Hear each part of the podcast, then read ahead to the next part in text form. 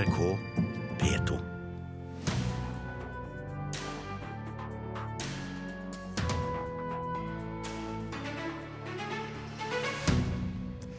Det ble tøff kamp om førsteplassen da forskere rangerte landets kulturkommuner. Joiken kommer til å finne sin plass i kirken i Nord-Norge, det tror mange på kirkefestivalen i Tromsø. Men når, det er det få som vet. Og det er nesten som å være med i stykket selv, sier vår anmelder om oppsetningen av Tre søstre på Nationaltheatret. Du hører på Kulturnytt, som i Fredagspanelet i dag diskuterer både nordisk kultur, fremtidens tabloidjournalistikk og flaue barn. Kulturnytt får du med Birger Kolsrud Aasund i studio. Hvor bor det flest kunstnere? Hvilken kommune er best på konserter, eller har flest kinobesøkende? Dette og mye mer får du svaret på i Norsk kulturindeks for 2014. For fjerde året på rad har forskere målt kulturnivået i alle norske kommuner, og deretter rangert dem. Og i år ble det hard kamp om topplasseringen. Jeg syns det er veldig viktig at de lærer seg i bluesen i bånn, at de får til det, det å bende en streng. At de, liksom, de får til den der ordentlig, så kan de lære alt det der. Kulturskolelærer i Bø i Telemark, Erik Norheim, forbereder seg på dagens elevtime. Og skal vi tro Norsk kulturindeks, gjør han og kollegene hans en god jobb.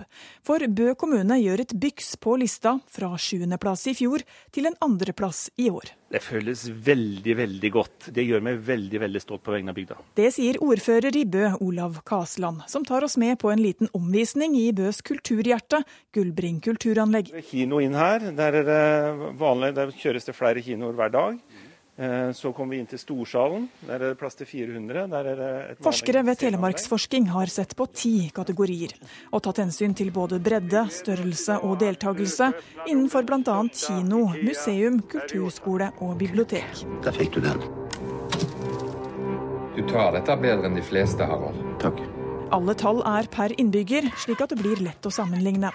Og når alt er lagt sammen, er det én kommune som troner alene på toppen, nemlig Røros. Ja, det var en fantastisk god nyhet eh, å få sånn tidlig på morgenskvisten, så det er helt strålende. Sier ordfører Hans Vintervold. Og han er vant til å få den slags nyheter, for dette er tredje året på rad at Røros er nummer én. For å klare det er det viktig å være god på alt, sier forsker ved Telemarksforsking Gunn Kristin Aasen Leikvoll. Eh, Og det er egentlig både Bø og Røros. Eh, Spesielt Røros er, er gode på elt, eh, med et lite unntak for eh, bibliotek. Men der har de jo klatra seg i fjor. Uh, Og Bø er, er jo jevnt over uh, veldig gode. Eh, Bitte lite unntak for museum og, og kulturskole og Den kulturelle skolesekken, men, men òg der har Bø klatra ifra i fjor. Et tydelig trekk ved de fleste kommunene som kommer best ut på målingen, er at de er større byer eller fungerer som regionsenter. Dårligst på kultur er gjerne de kommunene som ligger tett på regionsentrene. Men aller nederst på årets måling kommer Rødøy kommune i Nordland. Og det er litt flaut, synes ordfører Olav Terje Hoff. Ja, det syns ikke det er noe, noe stas å havne nederst. Det kan jeg slett ikke si. Så vil du ta med meg denne oversikten som jeg Seri har fått oversendt her, og, og så se hva man eventuelt kan eh, strekke seg imot. Det skal vi gjøre. Jeg syns det var bra at eh, ordføreren tar den innfallsvinkelen til det at man skal se etter mulige forbedringer her, for det er det jo all grunn til når man får et sånt resultat. Det sier forfatter Hans Olav Lahlum, som er oppvokst i Rødøy. En årsak kan være at kommunens 1300 innbyggere bor spredt, mener han. Og at det da liksom ikke noe sted er eh, befolkningsgrunnlag for å ha f.eks. en permanent eh, kino eh, da. Eh, Som selvfølgelig eh, gjør at man naturlig scorer lavt på eh, en del eh, sånne ting. Lahlum mener Telemarksforskings målinger tydeliggjør en del tankevekkende forskjeller i kulturtilbudet i Norge. Og det gjør jo selvfølgelig både at det påvirker livskvaliteten til innbyggerne, og ikke minst at det gir ulike muligheter for unge mennesker i ulike deler av landet og ulike kommuner. Og det gir selvfølgelig grunn til ettertanke både på kommunenivå og for den saks skyld på regjeringsnivå. Ja, du hørte til slutt uh, før gitar gitaristen her, Hans Olav Lahlum. Reporter var Une Marevik Hagen. Og hvis du har lyst til å se hvor uh, din kommune kommer på listen, så er uh, hele målingen lagt ut på nrk.no på nettet. Du kan bare gå dit. Vi skal til teaterscenen, vi. Vi skal til Nationaltheatret, og der skal vi møte tre søstre. Du sier at livet er vakkert. Men for meg og søstrene mine så har ikke livet vært vakkert. Det har kvalt oss som ugress, og nå begynner jeg bare å gråte. Jeg vet ikke hvorfor jeg ikke slutter å gråte. Man må arbeide. Det er derfor vi er så misfornøyde. Vi har aldri arbeidet. Vi vet ikke hva arbeid egentlig er. Men vi er født inn i en familie som forakter arbeid. Allerede før premieren på Anton Tsjekhovs teaterstykke 'Tre søstre' på Nationaltheatret i Oslo, så var alle forestillingene utsolgt. Premieren var i går, og teaterkritiker her i NRK, Karen Frøsland Nystøyl, eh, vi hørte jo litt her, eh, litt frustrasjon. Hva er det 'Tre søstre' handler om? Det handler jo mye om frustrasjon. Helt konkret så møter vi tre søstre og deres bror, som bor i en eh, provinsby, men egentlig er vokst opp i Moskva.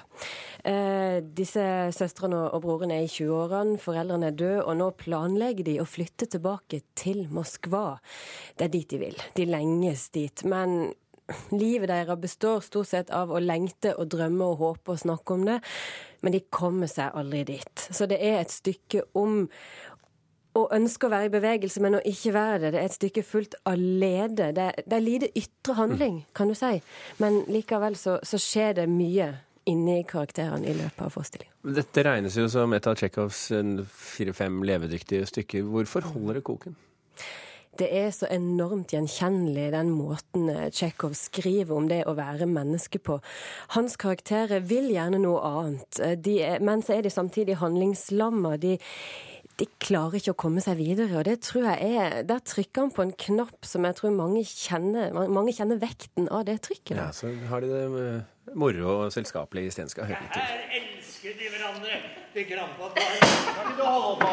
Ved havet står en eks og grønn, grenen henger en gyllen lenke i grenen henger en gyllen lenke. Hvorfor driver jeg og sier hele tiden? Jeg har fått det på hjernen. Jeg kan ikke fortelle deg det, men jeg kan fortelle deg det at hvis de to siste gjestene kommer, så blir vi 13 til bords. Hei. Overtroisk. 13 til bords, det betyr at en av gjestene er forelsket. Ja vel, vi hørte her. Her hørte vi fra en bursdagsfeiring. Den yngste søstera fyller år. Det er det hele stykket på Nationaltheatret starter med. Et, et fødselsdagsselskap. De ble vel egentlig aldri 13 til bords, men forelska, det var nå minst én av de likevel. Om det var bra for han, det, det, det er en annen sak. Så det starter her med fest og glede, og så ender det opp i Nesten ingenting for karakteren. De er i, i samme hus, på samme sted.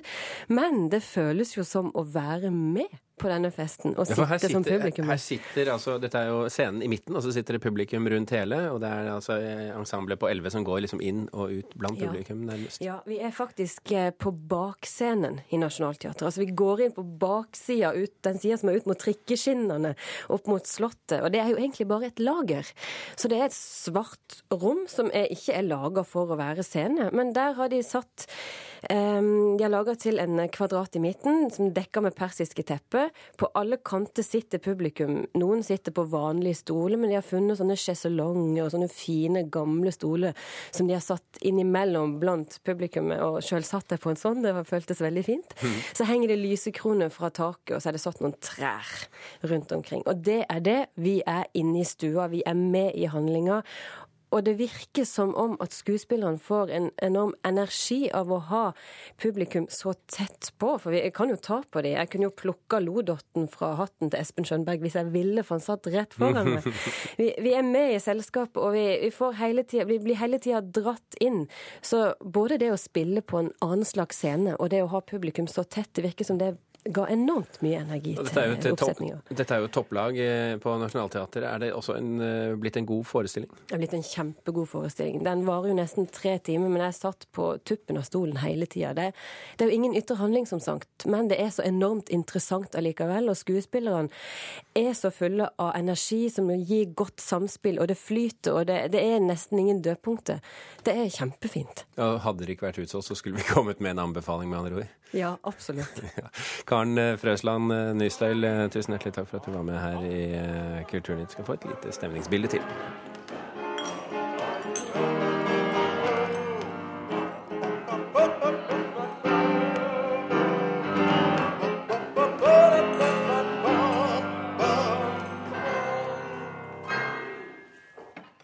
Joik kommer til å bli en vanlig del av kirkelivet i deler av Nord-Norge. Det tror flere kirkearbeidere NRK har snakket med. Striden om joik i kirken er tema på kirkefestivalen som pågår i Tromsø nå, men også i menighetene rundt omkring i Nord-Norge. Ikke minst etter Ole Edvard Antonsen-konserten i fjor. En slik konsert skulle tilføre menigheten noe fint. Konserten med trompetisten Ole Edvard Antonsen i Kautokeino kirke for et år siden. Etter hvert gikk han over til å joike. Det skapte storm og utestengelse. I etterkant av konserten så fikk jeg jo tilbakemeldinger både, av begge, både positive og negative. Men at dette var, dette var veldig dårlig gjort, og nå er, nå er kirka ødelagt. Menighetsrådsleder Inga Gunhild Buljokemi på dialogseminaret. Hun understreker at hun ikke er imot joik, bare ikke i kirka. Joik er jo en nødvendig del av den samiske kulturen, og den skal jo ikke bort. Hva er det med joik som gjør at, som gjør at du stempler den syndig? Jeg gjør jo ikke det. Joik er ikke syndig. Det sier jeg aldri, og det er ikke det. Det er kun det at den ikke har en naturlig tilhørighet. Den har ikke et kristent budskap. Jeg har aldri følt at det er synd å joike i kirka. Berit Alette Miena fra Karasjok og Tromsø. Og hva er veldig størst enn en kjærlighet? Og via joiken så kan du gjøre det. Og mange ganger, eller du gjør det uten ord også. Samkirkeråd eh, favner jo hele landet. Og det er det at I sørsamisk område så er joik i kirka og joik blant, ja, i alle sammenhenger mye mer vanlig enn det er i nordsamisk område. Anne Dalheim leder Samisk kirkeråd. De mener kirkerommet må kunne brukes til konserter med joik. Om det skal være joik i gudstjenesten, det stiller jeg også litt spørsmål, fordi at de er jo kommet i, i senere tid. Og det var ikke naturlig å ta med joik da, sånn at nå kanskje for mange føles joiken eh, kunstig i gudstjenesten. Men jeg mener det vil være et stort tap hvis vi ikke skulle kunne ha joik i kirka som konsertsal La oss si i små kommuner der som jeg bor, har vi jo det flotteste kulturbygget er Storfjord kirke. Men hva vil skje framover? Vil joikekirka og gudstjenesten bli akseptert også i læstadianske miljøer? Konservator Ola Graff. Hvis jeg skal gjette, så er svaret ja. Jeg tror at utviklinga vil fortsette. Men hvor fort det går og hvor det bærer hen, det tør jeg ikke si noe om. Og Inga Gunhild Buljokemi fra Kautokeino. Akkurat per, per dags dato så vil nok ikke joik tilføres gudstjenester eller ha joikekonserter i kirka. Det vil nok ikke, det, det vil ikke være mulig. Ja, per dags dato betyr det at det skjer en prosess, en endring? I fremtiden så Jeg tenker jo sånn at i fremtiden vil jo komme. Det vil jo komme etter hvert til Kautokeino også. Inga eh, Gunhild Buljo Kemi til slutt her. Reporter i Tromsø, det var Arild Mo. Klokken er 16 eh, minutter over åtte. Du hører på Kulturnytt, og dette er toppsakene i Dagsnytt nå. Det skal regne mer i flomrammede områder på Vestlandet i dagene som kommer. I Burkina Faso er det innført unntakstilstand etter de omfattende demonstrasjonene de siste dagene. Og regjeringen vil effektivisere og avbyråkratisere offentlig sektor. Likevel vokser statsforvaltningen. Vi har eh, kommet frem til eh, fredagspanelet her i dag i Kulturnytt. Eh, I dag bestående av Anna Katarina von Matre, kulturredaktør i tidsskriftet Minerva. Arve Juritzen, forlegger, og Sara Sørheim, kulturredaktør i Aftenposten. Velkommen hele gjengen. Tusen takk. God morgen, god morgen. Skal vi se, her har vi fått inn uh, lyden som vi skal ha. Da hopper vi til første spørsmål likevel. Denne uken fortalte vi nemlig her i Kulturnytt om barn og unge som blir flaue over foreldrene sine aktiviteter på Facebook og andre sosiale medier. Du skal få et lite eksempel her. Jeg har blitt veldig sinna på henne. Eller irritert, i hvert fall. For at hun legger ut ting og spør ikke engang først, eller kommenterer, eller Så plutselig får jeg sånn 100 sånne damer som hun kjenner, som kommenterer mitt bilde og sånn. Og så har vi jo snakket om dette med at, uh, at jeg skal snakke med deg før jeg legger ut noen bilder. Og det syns jeg kanskje også at, uh, at jeg gjør nå Nei. Å nei, gjør ikke det? Tenker du kanskje selv, men gjør egentlig ikke det. Spørsmålet vårt er har de grunn til å være flaue over foreldrene sine på nett? Ja. Nei. Absolutt, og foreldrene bør også være litt flaue, syns jeg. ja, ok. Du er motstemmen, eh, Matre. Jeg syns jo eh, Ut ifra denne saken her, så er det ganske uskyldig det disse foreldrene gjør, da. De legger ut uh, bilder NRK hadde en, en sak Syv ting du ikke må gjøre på Facebook hvis du har barn. Og der var det f.eks. at du kan ikke legge ut bilder fra søndagsturen med venninner. Og det er jo, altså, dette er jo liksom den gamle sånn barna skjemmes over foreldrene uansett hva de gjør. Um, og hvis det verste de gjør er å legge ut bilde fra søndagsturen, så syns jeg ikke de har noen grunn til å være flau i det hele tatt. Og på den andre enden av skalaen har vi Arve Juritzen. Altså, problemet her er jo at foreldrene ikke er flaue selv. Altså, Jeg er kjempeflau når jeg poster opp på Facebook, og noen ganger så driter jeg meg ut og gjør det. Så prøver jeg å holde min sti ren. Men altså, jo, jeg syns hele Facebook er utrolig flaut. Det er så kleint. Altså, Lykken det er liksom to tøfler og en avis som har gått i stykker. Er Søndagsmorgen er fantastisk. Altså, det er, det er flaut. Jeg skjønner, ikke, jeg skjønner ikke at folk ikke ser seg selv bedre på Facebook enn det de gjør. Noe av problemet med Facebook er jo at vi, det er som å stå sånn tett tett sammen i en litt for trang heis. ikke sant? Vi kommer for nærme hverandre. Vi nordmenn vi er vant til å ha minst tre kilometer til naboen. På Facebook så får du naboens frokost midt i trynet. Eh, og Det gjelder jo også da dine egne foreldre. Og det at eh, barn og tenåringer særlig er flau over eh, moren og faren sin, det tror jeg, det bare, det tror jeg liksom kom med Adam og Eva. Det kommer vi aldri noen gang til å klare å gjøre noe med. Så det eneste løsningen er at man må bare ikke være liksom på samme sted altfor mye. Eh, så jeg, altså, nå er jeg, Hvor gammel er jeg? 35. Mine kjære foreldre de gjør egentlig ikke noe galt på Facebook, men til og med jeg kjenner jo noen ganger at det er liksom må ta meg litt sammen for ikke å bli irritert. Unnskyld, mamma. Men, men når det kommer sånn meldinger som 'ha en fin dag, jenta mi' og sånn det er noe På med- din vegg? Ja. Det sitter så dypt i oss, da. Jeg tror bare vi må innse at det er sånn, ja. Så Men- foreldre må bare holde seg litt Det unna. er, det er jo en alvorlig side på dette også. Vi skal jo lære opp barna da, til å ikke å ha pinup-bilder og badedraktbilder og alle disse tingene. Og det er klart Når da mor og far legger opp pinup-bilder og badedraktbilder, så blir læringen litt vanskelig, tenker jeg. Men er det, er det bare det at eh, foreldrene her fremstår for hele Altså Før var man jo flau i skolegården fordi at foreldrene var der. Nå er de jo flaue i hele verden. Er det en forskjell? Absolutt. Ja, altså, det, men altså, jeg, jeg, må vi dette, tenker jeg? Altså, Har vi ingen selvdisiplin? Er det liksom, altså, Ser man ikke selv at dette er kjempeflaut? Hvorfor gjør man ikke det? Men det har man jo aldri. Altså Det som jo er så rart, er at uh, man syns jo aldri sine egne, sin egen oppførsel er så veldig flau. Eh, og det, det er litt sånn, det er egentlig like greit, så slipper man å, å være så plaga. Men jeg, jeg tror at barn er en helt OK korreks jeg, til sine foreldre. Eh, at man skal høre litt på ungene. Hvis ungen din på 14 sier at du, det her er ganske flaut, så tror jeg nesten at han har rett. Så da Godt kan man tenke at eh, vet du hva, da slutter jeg med det. Mm, godt sagt. Ser vi for oss at foreldre kommer til å slutte på Facebook, sier du? Nei. Ok, eh, det, La nå dette i hvert fall være en slags oppfordring da, til, eh, til noen foreldre. For det er sikkert mange foreldre som er helt uh, supre og ikke gjør barna sine flaue i det hele tatt. Vi går til andre spørsmål. Onsdag kveld delte Nordisk råd ut sine priser til bøker, film og musikk og miljøvern, faktisk. Og Norge fikk med seg denne nye prisen for barnelitteratur. Men er det litt for kjært å konkurrere de nordiske landene imellom? Finnes det egentlig en nordisk kultur? Ja. Nei. Ja, under tvil. Ah, fint panel, flinke folk. Kom igjen, Arve. Nei, altså Hylands hørna, det er lenge siden nå. Og siden det så har vi vel ikke eksponert så mye underholdning. Altså Skavlan sitter jo og prøver å snakke svensk, stakkar. Eh, og hvis du er nå i København altså Jeg kom bare i København forrige helg og snakket engelsk. Altså De skjønner jo ikke norsk lenger. Så at det fins noe fellesskap i kulturen eller i andre ting i, i Skandinavia og, og Norden, det syns jeg forsvinner veldig fort. Altså vi, og særlig tror jeg vi i Norge, vi, vi henger veldig langt ute i periferien nå. Uh, altså De vet veldig lite om oss i Sverige og i Danmark.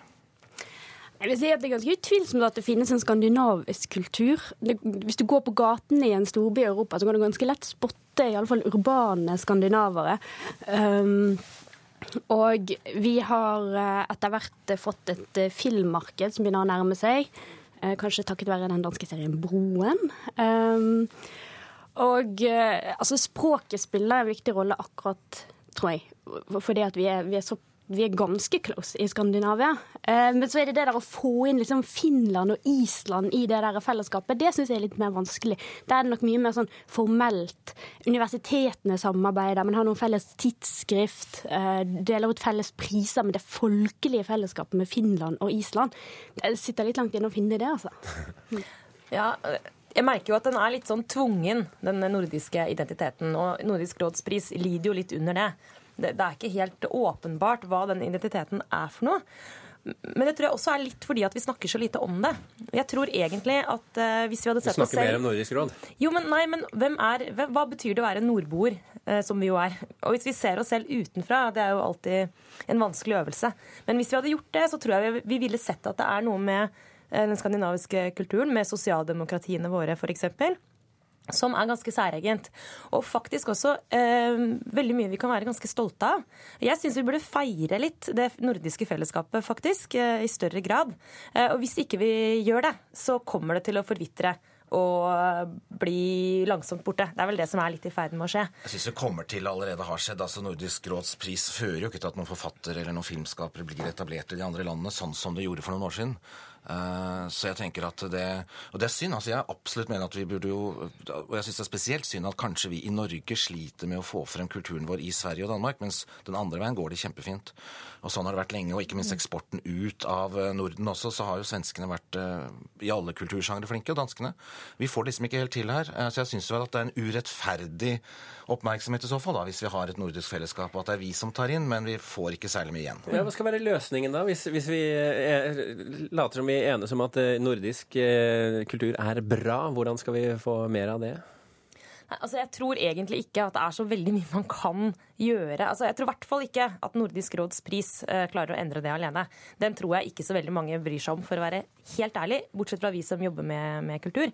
Men eh, å snakke høyt om sine suksesser har jeg tro på uansett. Og det å være litt mer sånn eh, stolte over det som er bra ved vår kulturelle tilhørighet i, i Norden og Skandinavia, det har vi rom for, syns jeg. Uten at vi skal bli altfor selvhøytidelige av den grunn.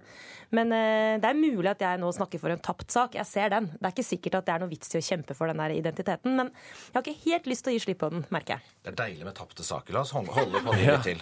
Det er umulig, og vi gir oss ikke. Nei, vi står på. Vi er, vi er nordmenn. ja. Uansett hadde, er det jo fint å vinne en pris, så, så Vi klapper for dem, absolutt. Ja, ikke sant. Gratulerer til Brune og hele gjengen. Absolutt. Flott bok. Ja. Er det din bok, eller? Nei, det er ikke det. Maken til mistenksomhet så tidlig på morgenen. Altså. Nei, jeg har jo aldri opplevd at du har prøvd å selge inn noe, så det Nei, er jo derfor boken jeg skal vi jo ikke snakke om engang i dag, så det er jo kjempeirriterende. Vi kan ta en halvtime om den nå, kanskje. Nei, den har vært i. Politisk kvarter, det får holde i Jeg hørte om det var en kritiker her som ikke har lest boka. Jeg liker jeg ikke. Nei, ok. Men du, vet du hva? Ja. Hysj. Jeg skal si ifra når du skal snakke. Okay. Nettsteder som lager nyheter som kun er laget for å deles på nett, har stor suksess for tiden. Jeg kan nevne eksempler fra USA. BuzzFeed. I Norge har vi jo dette BuzzIt som har vært i vinden, og Dagens Næringsliv lanserte nettopp sin variant, BizBuzz. BizBuzz. Er dette fremtidens eh, journalistikk? Nei. Får jeg tale nå, eller? Nå- nå kan du tale. Jeg kan tale. Ja, eh, nei, altså, tab du spør tabloid og fremtid. Det har jo alltid vært sånn. Eh, det er bare en annen Men det var ja og nei. Og det var ja og nei. Eh, og spørsmålet var? Eh, Er, eh, fremtiden tabloid, er dette fremtidens tabloidjournalistikk? Eh, dessverre ja. Nei. Ikke nødvendigvis. Jeg er veldig fornøyd med panelet. Jeg er veldig fornøyd med uenigheten. Det er alltid en som er sånn midt på, en på hver side. Eh, matere. Jeg, jeg, jeg, eller jeg tenker at dette ikke egentlig faller For begrepet journalistikk. Eh, Det er definitivt tabloid. Eh, det er jo drevet av dette her eh, Altså det er drevet av måten man finansierer internett, rett og slett. Du må ha annonseinntekter, og for å få annonseinntekter så må du ha klikk. Og da tyr man til sånne blødmer og sånne fæle YouTube-videoer. Men dette er jo ikke, det er jo ikke journalistikk. Jo, det kan, det kan være veldig bra journalistikk i, eh, i f.eks. Altså, det amerikanske nettstedet BuzzFeed. De starta altså sånn som eh, det vi har sett i Norge så langt, men de bruker nå den fortellerteknikken til å, å levere kvalitetsjournalistikk. Og det som er litt vanskelig akkurat nå, det er at vi får masse nye former for eh, ja, La oss bare kalle det journalistikk, da. Så kan vi diskutere om det er godt eller dårlig. Men vi får nye former for journalistikk. Vi får nye fortellergrep. Men som alltid så er det forskjell på god og dårlig. Det går fint an å lage veldig bra journalistikk med en fortellermåte som funker viralt. Eh, Men dessverre har vi ofte sett eh, eksempler på at man eh, kaster over bord en del av de grunnleggende presseetiske retningslinjene vi har. Og da For er det å få klikk. Ja, For det er dårlig. Altså, denne debatten er steindød. Hvis dere ser på Norges største aviser i dag, så er altså journalistikken der oppslaget 20 måter å finne ut at din partner er utro på. Du kan ikke ha den debatten lenger. Altså, alt er dessverre blitt tabloid. Og det å prøve å finne noe annet, det er jo utfordringen. Det er jo det vi trenger kanskje å løfte fram. Det Eh, er og dette jeg med å snakker samle for min syke mor, men altså det, den påstanden der, den er rett og slett feil. Ja, Da må du jo gå i kiosken og se på avisa i dag. Eh, Det er ikke feil i hele tatt. Det det er 20, Der kan du finne ut 20 måter om partneren din er utro. Det er dagens journalistikk. så da Du bare... kan finne veldig mye annet også. Har Men du lest det er Aftenposten i dag? ikke- det er vel ikke- det er vel ikke helt sånn- Aftenposten er jo en av de som virkelig har snudd for å bli tabloid i det siste. Både i pynt og fest og farger. Så vi kan gjerne ta den debatten, altså. Det tar vi på bakgrunnen. Hvor ble det av kultursidene, sier Ja, men, men det er jo ikke slik at fordi at det finnes sånne saker, Juritzen, så er journalistikken sånn? Eh, nei, men hjelp meg å finne en annen journalistikk, da. Men er det, uh, vil, du, uh, vil du gå så langt som å si at dette er, dette er sånn journalistikken er på vei? Er det dit journalistikken er på vei? Ja, som sagt, altså, Hvis vi er på vei, så har vi landet hver eneste dag når du ser på de tabloide avisene i Norge. Og Aftenposten blir stadig mer og mer tabloid. Pynta og fin. Eh, Så altså, Vi er jo kommet hit for lengst, så vi kan ikke sitte og snakke om det hit vi kommer. Eh, Nå, er- nå har Sara Sørheim litt pustevansker her borte. altså. Ja, Jeg skal, sende, vet hva, jeg skal sende deg en e-post etterpå med link til veldig mange svært gode eh, saker, både i Aftenposten og andre aviser. vi snakker forsider, det er det folket ser. Det som, Vi er, kommer si, Ja, kort, altså. det som har skjedd nå, er at uh, det er ikke lenger forsidene som avgjør. Det er så mye god journalistikk. Det som er vanskelig, er å finne framtiden. Jeg skal hjelpe deg med det. Og der kommer vi med BuzzFeed og de andre. Uh, uansett, Sara Sørheim, Anna Katarina von Matre og Arve Tusen hjertelig takk for at dere kom til Kulturnytt og var vårt fredagspanel i dag. Hanne Lunås, Espen Alnås, Alnes og Birger Kolsrud Aasund takker for følget. Nyhetsmorgen eh, er på trappene. Bare heng på litt, så får du nyheter.